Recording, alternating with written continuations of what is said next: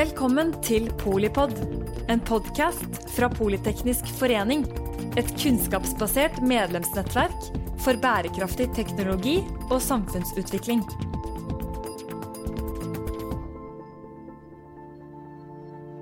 So, a warm uh, welcome to this uh, Polypod episode uh, where we discuss uh, can the French presidency change the EU? France holds the presidency of the Council of the European Union until summer. And uh, we're pleased to have uh, in studio the French ambassador to Norway, uh, Monsieur Pierre Mathieu Duhamel, and Mr. or Monsieur uh, Paul Frisvold, the EU advisor for SINTEF and the EU Climate Pact ambassador as well. Hello. You're here to explain to us uh, what the French presidency means. Bienvenue. Merci. Thank you so much. Thank you. Yes, should I start? Um, so I think before we allow the ambassador to start um, dwelling into uh, the contents of the French ambitions for this program, I just wanted to say that you know the the EU presidency, or I call it EU leadership because that's really what it is. It is every now that there are 27 countries, every 13 years, each EU member states uh, occupies the role of leading ne the negotiations within the council. Now, what is the council? Uh, the, that is basically the main decision-making body. Uh, where all the member states' governments come together and in different formations on ministerial level, uh, working groups, and so forth. Um, and uh, with regard to heads of state, it is Charles Michel, who is the, the president of the European Council, that uh, presides. But the but the French presidency, or the presidency in itself, uh, holds a key role in setting the agenda and also ensuring that there is progress with the negotiations.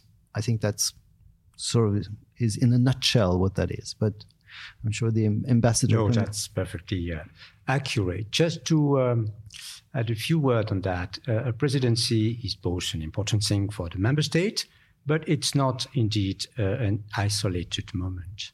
It's just a link in a chain. And when you are holding the presidency, you work in trio. So before us, uh, we had a trio, and now we are part of a trio where the following will be the Czech Republic, and after that, Sweden. Mm. And indeed, we work very closely together to make sure that uh, we are perfectly uh, coordinated. Uh, in fact, uh, uh, I could say that during your presidency, you may have a chance to uh, finish what has been started by others. Mm. And a chance to start what will be mm. achieved by the following. So uh, uh, you have always to remember you are in a flow. And and to just to complete the, the whole thing is that when the EU makes decisions, they do so uh, together with the European Parliament. So um, the French presidency will then negotiate the negotiating position of the member states and then enter into a negotiations with the European Parliament and, and, and together they will adopt legislation on most issues. You're right. Uh, in fact, uh, we might say that EU is based on the Trinity principle. Uh, you have the trio of presidencies, and after that you have a trio with the Commission. Yes the Council of Ministers, and the Parliament. Uh, it might seem complicated, but it's also a good example of checks and balance because True. everything should be uh, at the end uh, through a negotiation process, and nobody is able to impose uh, uh, its way. Uh, this will be the result of a quite complex process, but also a quite democratic one. You say uh, you work in a trio. You say the Trinity principle. To me, uh, La France, uh, la tricolore.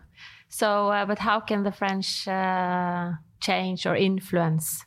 What what are really the plans for? Uh, for this half a year of the French presidency? When you, you set up your agenda for the presidency, you have, in fact, to be both modest because you are just once, once again, I say it uh, a link in the chain, And also, you have to be ambitious because it's an opportunity and it doesn't come so often.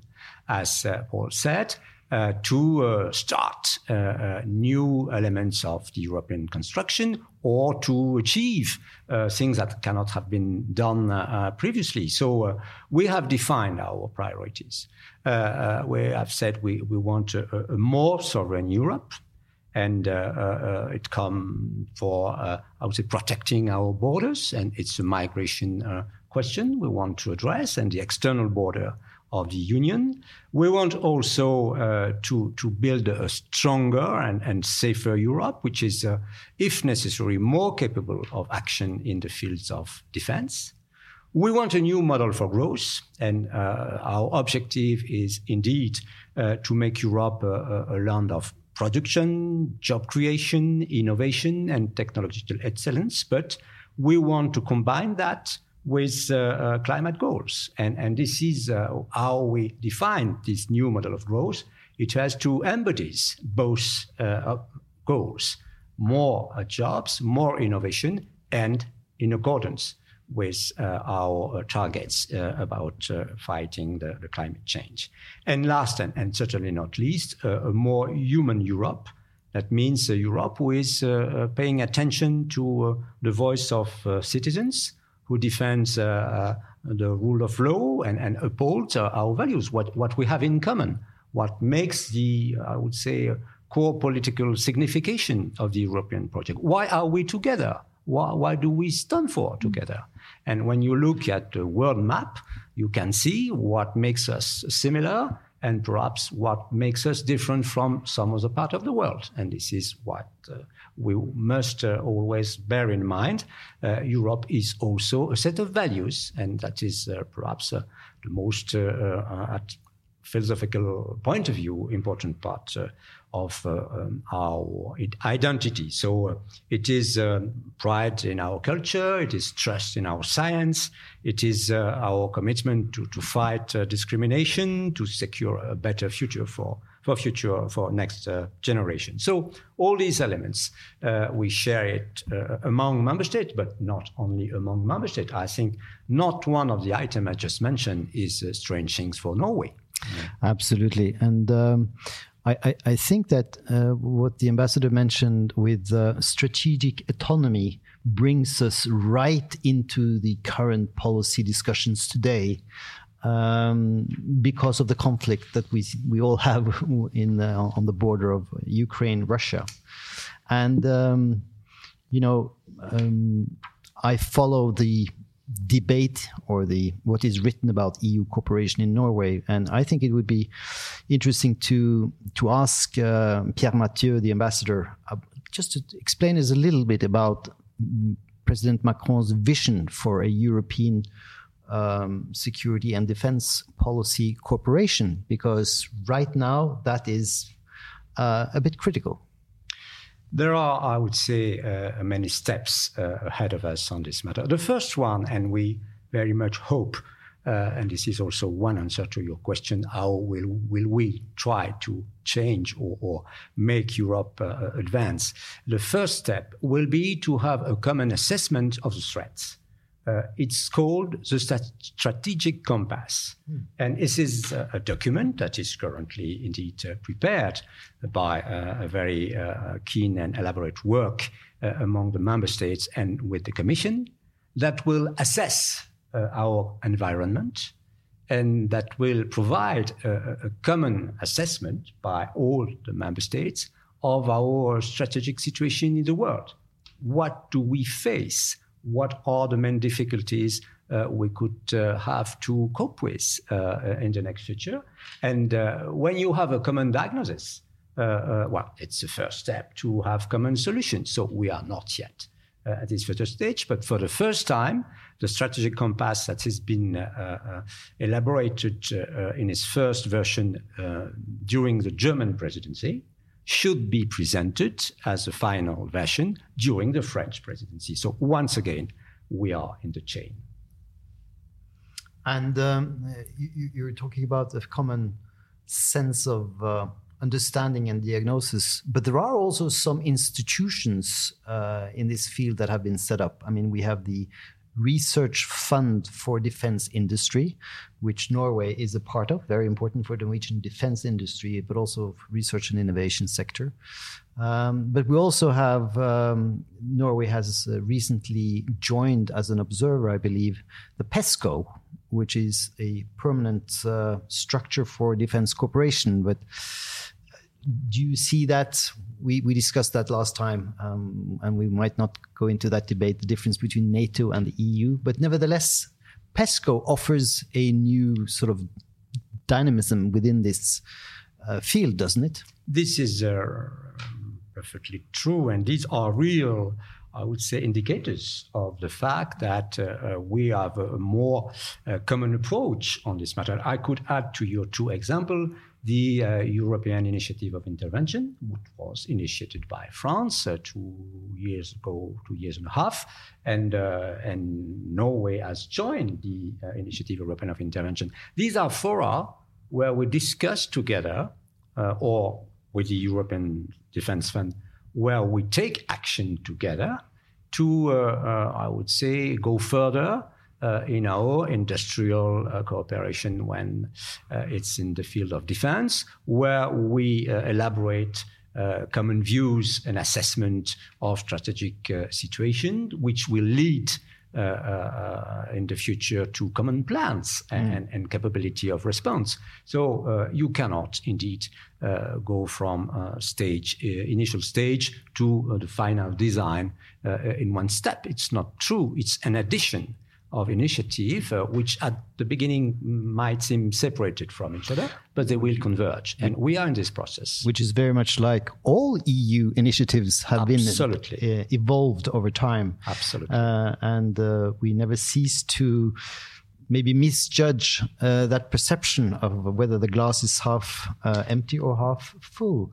But if I may, uh, Mette, because we, we, talked about defense industry and how mm. important that is um, uh, for strategic reasons, but also for industrial reasons. Uh, but Macron has launched this new concept, I would say, of a new economic model that he wants to discuss at a summit in, in March what constitutes this new um, thinking? Well, it's uh, uh, probably the the uh, I could uh, summarize it by saying that what we want uh, uh, and what we need together has been probably illustrated by the pandemic crisis. we discovered almost in the night that for needs that were immediate and called for uh, an emergency response. In fact, uh, we did not have all the cards in hand, and uh, that a part of the solution was outside our territory. Though, when you consider our territory, we are, uh, well, perhaps the first uh, economic territory in the world.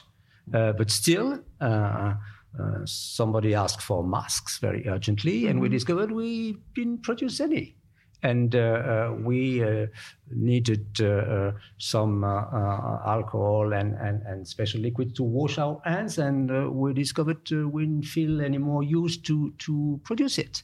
And suddenly the citizen said, What are you doing?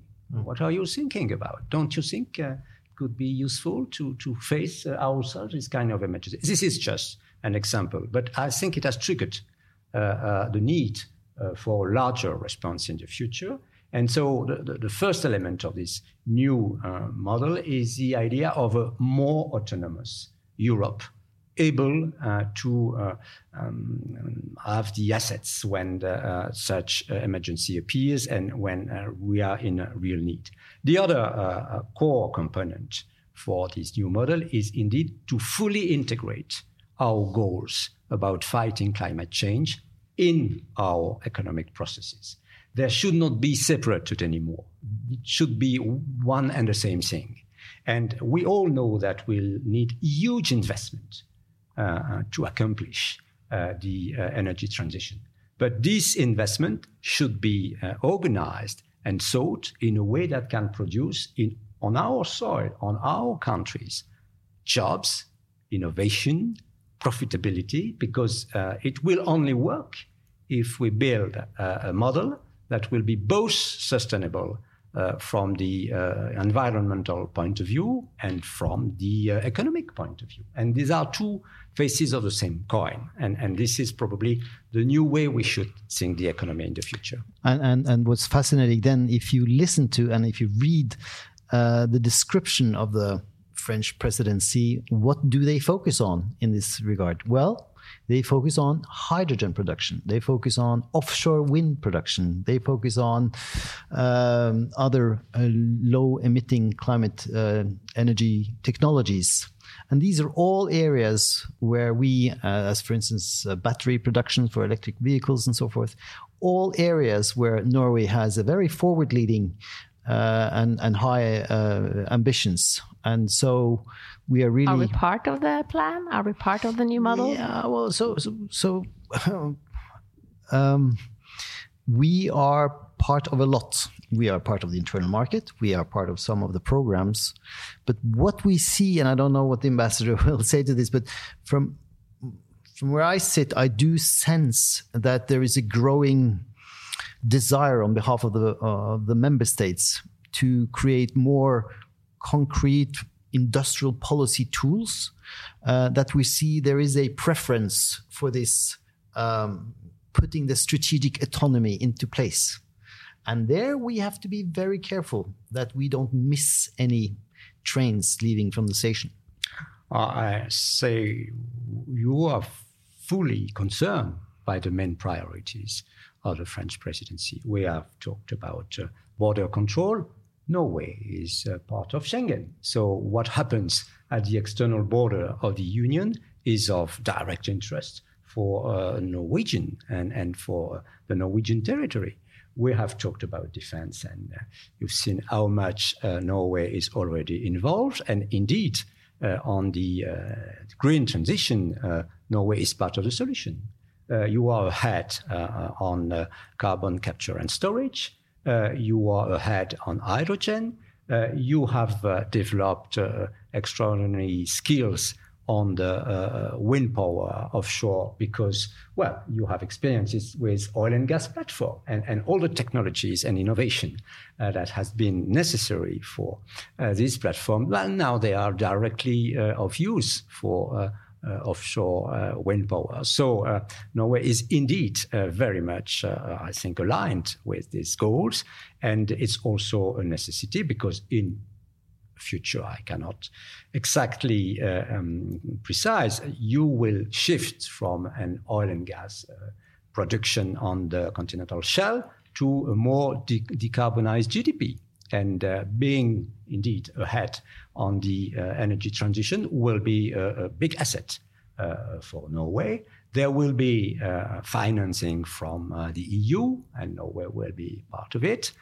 for instance, very recently, the Commission has labeled a project in different member states, including France, uh, which uh, will be financed for uh, creating devices to capture the carbon. And this carbon we will capture, well, these will be clients for your uh, storage facility and the Northern Lights project in Norway. So all this is completely interlinked. We actually and host the Norwegian CCS uh, association in within the Polytechnic uh, Society, so we know that from. Uh, and we also know uh, that you know this comes from, uh, or the proof of the pudding lies always in the eating, and so we need to to take this from theories and and visions into deals and agreements and projects. So, and, and I think what we see now, for instance, in the field of carbon capture and storage, and with this last round of the results of the innovation fund, where unfortunately the Clemens Klemetsrud project did not was not rewarded, but a lot of other interesting projects uh, in Stockholm, in Germany, in Belgium, mm. in Italy, in Spain. Mm. Uh, so we see a Europe that is catching up. That is good because we want that for the climate.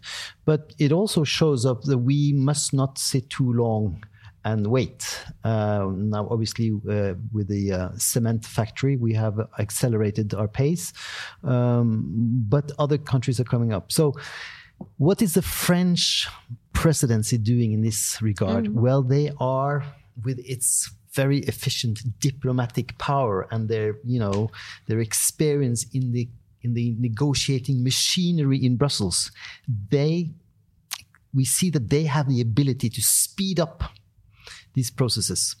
We haven't talked about the Fit for 55, which is a whole series mm-hmm. of climate uh, negotiations, uh, climate legislation.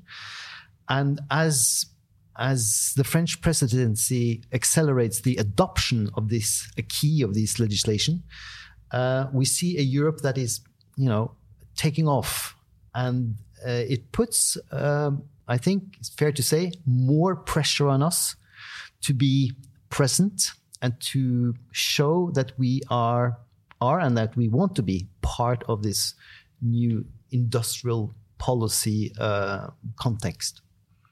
Because France is isn't it's in a European country, and Norway is a European country, but France is also a, a global uh, citizen and uh, with some excellent uh, sort of uh, connections. Um, so, so how will uh, the French presidency be influenced by by the global uh, economy and the global trade and and you know engagements that France is is really in addition to Paul, what Paul just mentioned, let's not forget the private sector because mm. uh, our companies, uh, both in Norway, in France, and in other parts of Europe, they are already working together on CCS, on hydrogen. And uh, the states and, and the EU, uh, they, they can set uh, Uh, I would say, uh, the scene. But uh, uh, uh to play on the scene, we need indeed competences and investment from, from private company. But this is just working already. Um, we, as the EU and the uh, European uh, economic area, we are indeed not isolated from the world. And uh, the tradition of the EU is to be open to free trade and exchanges. What we just don't want is to be naive. I mean by that, if we are to invest heavily in the green transition, that means indeed costs, costs for our companies, costs for our taxpayers and citizens. And uh, this should not be done uh, uh, in, a, in a detrimental way to our competitivity because we want jobs, we want innovation, we want growth uh, on our area. So we have to combine our tradition of trade with other parts of the world with this notion that uh, those who will make efforts, and I think EU will be, uh, uh, and the European continent will be the spearhead uh, against um, the, the, the, climate warmth, they should not be punished because they do more. So we need to have a mechanism that will create a, a kind of uh, compensation uh, for uh, people outside our uh, economic area who would not be, uh, I would say, as keen as we are on the matter. That is uh, the reason why, under the French presidency, uh, we will push ahead uh, what is called the CBAM. It's not a very nice uh, uh, uh, way of expressing it, which means carbon border adjustment mechanism, mm-hmm. which will be the way we compensate for importation from part of the world who would not make the same efforts as us in the matter of decarbonization. But we hope that in the long run, indeed, uh, this will balance progressively and that all the components of the global economy will be uh, on the same boat when it comes to uh, uh reduce uh, our um, carbon emissions. And you know, the CBAM really represents a system change in the way we used to know international relations mm. and trade relations. Um, also showing the force of the French diplomacy and presidency. This was an idea that France have had a long time, but that Macron launched in 2017. And today we have a concrete proposal before us. The Germans are on board because obviously they were. Um, I can I can say that dragging their feet a bit um, previously. Still, many details to be to be fleshed out, but it is a reality, and it is indeed a game changer in international relations What's the time and trade. Frame for, uh... Well, um, I think once it it is adopted, it will enter into force probably in 2024 for a trial period. And then after a couple of years, it will be fully um, more um, solidly built up and enter into force. What would you say, 2026? Yeah, I think your, your timetable yeah. is absolutely right. Deep, well, pending the process yeah. of decision, yeah. which is now uh, yeah. ongoing. Mm. But uh, I think this is a, a fair target for, for. And it's very controversial in Norway because we have had the possibility to give direct support to our industry mm. uh, to reduce uh, the risk of um, um, investment. Um, um, that they will move investments out of Europe um, because of competition from areas that do not have any climate legislation. Um, that ability will no longer be there. And so we are struggling with it. And it's very important that the Norwegian government, who is currently, I think, finalizing its position and and that, that position needs to be conveyed in, to, to our partners in Europe. Paul mentioned a very important point. Uh, nobody can decide alone for 27 members. It's just not the way it works. So uh, when we are setting our priorities, we always think about what will be uh, the possible combination to reach a result. And one I would say, major uh, component of that is indeed uh, uh what is uh, the position of Germany. And if we were to disagree on major priorities of the French presidency, we would be grounded from the beginning. And uh, uh, when uh, we have learned about the content of the coalition platform set by Chancellor Scholz and the new German government, we could see that I would say about 100% of the French priority were compatible uh, with uh, uh, what was Uh, in the new government platform. So it was a, a very important step uh, towards a, a, more efficient uh, uh, semester for us. But indeed, uh, it's not just France and Germany, it's uh, all the other member states and our external partners who are, I would say, both external and internal, as, as Norway. And we must reach a general agreement on, on this priority. That's why also Sometimes people say, but Europe is very slow. Yes, Europe is very slow, uh, perhaps sometimes too slow, but it's only because uh, we cannot reach a decision without having a vast majority of member states on board. And mm-hmm. it's also the condition to take steps in the future, because mm-hmm. if we were to impose, I don't know how, but uh, uh with some brutality, uh, uh, some decision now, we would indeed block the machinery for the future. And it has never been done like that.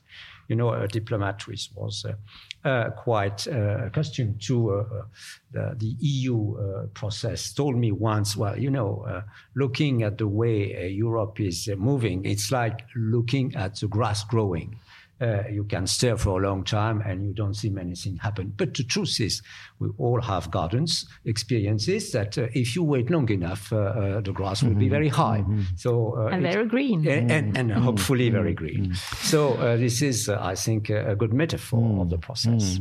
And in that regard, um, th- there are two issues that I think we should you know touch upon before we cl- come to a close. And the first one I'd like to challenge the ambassador because Macron is talking about digital leadership. We only hear about digital leadership from the GAFA, uh, the Google, Apple, mm. Facebook, Amazon, Microsoft, whatever. Uh, but we do see that the EU has taken the lead in regulating digital markets. Um, could you share with us the French vision for the role of Europe within this digital world? It is uh, also a very important component mm. of uh, our presidency, but once again, because uh, work has been done before, yep. Uh, it's uh, uh, the steps for the adoption of what is called DMA and DSA, Digital Market Act and Digital Service Act, who are uh, two separate uh, uh, um, documents and with indeed the, the aim of regulating. One is about the fact that we will limit the possibility for huge digital company to do whatever they want uh, on our territories and on our, I would say, cyberspace uh, without paying taxes or, or having to answer uh, to a, a, minimum core of regulation. That was how it has been designed initially because internet was the new thing and at the beginning nobody thought of that.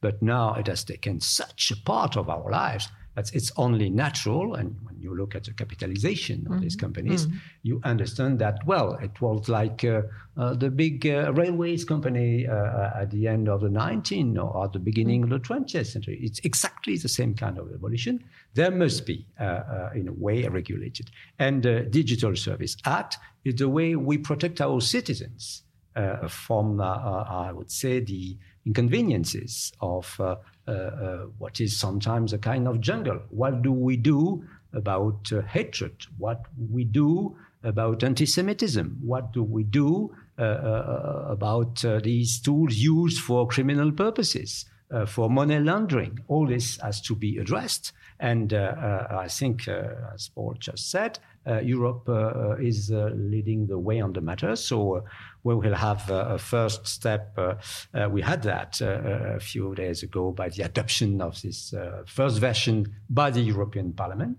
Now it will come back to the ministry, um, the Council of Ministers, and to the Commission. And this will be this uh, negotiation with three components I was referring to that will achieve uh, the work and to uh, equip uh, Europe with a, a completely new set of rules that will probably uh, define the standards uh, for the rest of the world.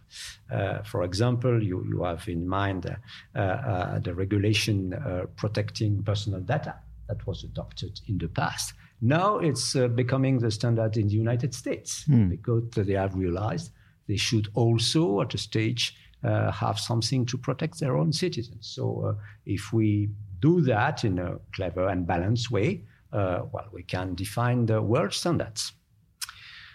So um, again, um, the ambassador mentioned looking at the grass grow. We use a metaphor of watching a turtle that is slowly moving. But if you look away and look back again, it has moved. And so within this digital space, that is indeed important. Lastly, uh, and this really is at the core of, um, of, of the French vision of Europe, is that um, the uh, European institutions have initiated a conference on the future of Europe. And that again is very much inspired by the French president in his 2017 speech. Uh, and it's um, acknowledgement that Europe does not function in an optimal way. Um, too many countries, we're talking about um, uh, enlarging to include the West Balkan countries, uh, North Macedonia, Albania, and so forth, uh, and Serbia. Um, is the is the European Union capable of enlarging, and what needs to take place, both in terms of decision making mechanisms, but also in terms of priorities? Uh, what should uh, the European Union focus on, and what should they not uh, address in order not to impede the development? But again, um, it would be interesting to hear uh, from a French president's perspective uh, what you hope to achieve with this conference. It is, as you said, Europe is not something that could be described as uh, a finished uh, building. It's a, it's a work in progress. So you have always to be on the move. The question is on the move to where? Never should we forget that Europe is basically a political project. It's not an economic project. It was designed to achieve peace. And all those who have memory uh, of the 20th century know what we have gained since, uh, uh, I would say, the end of the Second World War. Uh, we have achieved a period of peace that has no equivalent in our continental history for I don't know how many centuries, probably forever. So uh, this is uh, uh, the uh, I would say initial intention, and so we should never lose track of this political goal, and that is the purpose of uh, the conference about the future of Europe. Simply, not everybody agrees, I would say, a priori on uh, what should be the political future of Europe. That's why we uh, propose this uh, process, which first uh, um, took place uh, in the different member states with a consultation of the citizens. It's in fact uh, not a top down uh, uh, logic, but uh, a bottom up logic. And in France, for instance, uh, we organized a series of fora with French citizens who were chosen randomly and who wanted to participate to express their view and uh, what are their perspectives for a, a long distant future for Europe.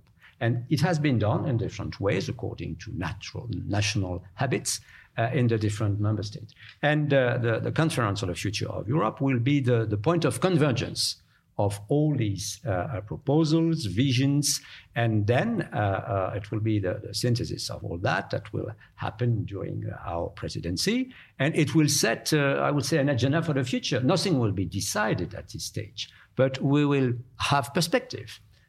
to which discuss on, and this perspective they won't come only from Brussels or from Paris or from Berlin. Uh, it will be a, a, gathering of a broad uh, a sample of our uh, citizens, and uh, we hope that it will help uh, uh, to progressively make this vision become a, a, reality, but probably and certainly not during this semester. once again, we will look at the grass. But but um, the the results of the conference will be announced in May. So, Mette, I really hope that we can come back to you and have a Polipod about the future of Europe. That's uh, already uh, scheduled. but are we talking about sort of a European evolution as uh, opposed to the French uh, Revolution? Is this really a project about values and, and culture and uh, and visions rather than uh, trade and uh, defense and uh, you know the more uh, hardcore uh, indicators? I, I, don't think it's incompatible, obviously, uh, but still, yes. at the root of our common engagement is our, I would say, common view of the way society should be organized. The fact that, and it starts true everywhere in the world, the individuals are, uh, I would say, an essential uh, value for us. And the rights of individuals are really at the center of our uh, way of thinking about law, about economy, about social protection. And when I am in Norway, you know, I feel at home because everything I see around me is perfectly familiar. I am not sure I could say that uh, uh, in uh, any other country in the world. I won't cite any, uh, uh, not to be undiplomatic, but uh, obviously we share in the way we organize our societies, in the way we promote democracy, in the way we want progress and advancement for individual. we share the same view of the future. After that, we have cultural differences we had our own histories, we had our economic interests to protect. To protect, all this is only natural. But still, uh, what we have in common is so much more important than our differences that it is the ground for a common project. And you know, a, a former uh, Commission president said the EU needs to be big on the big issues and small on the small issues.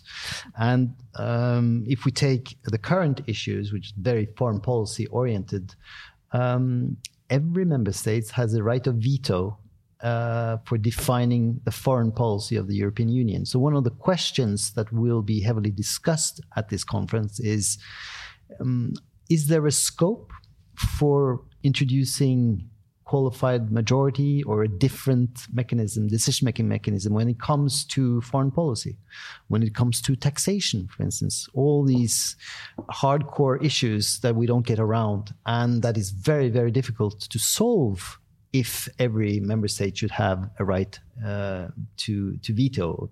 Uh, so, um, is is there um, scope for adapting the decision making machinery of the EU?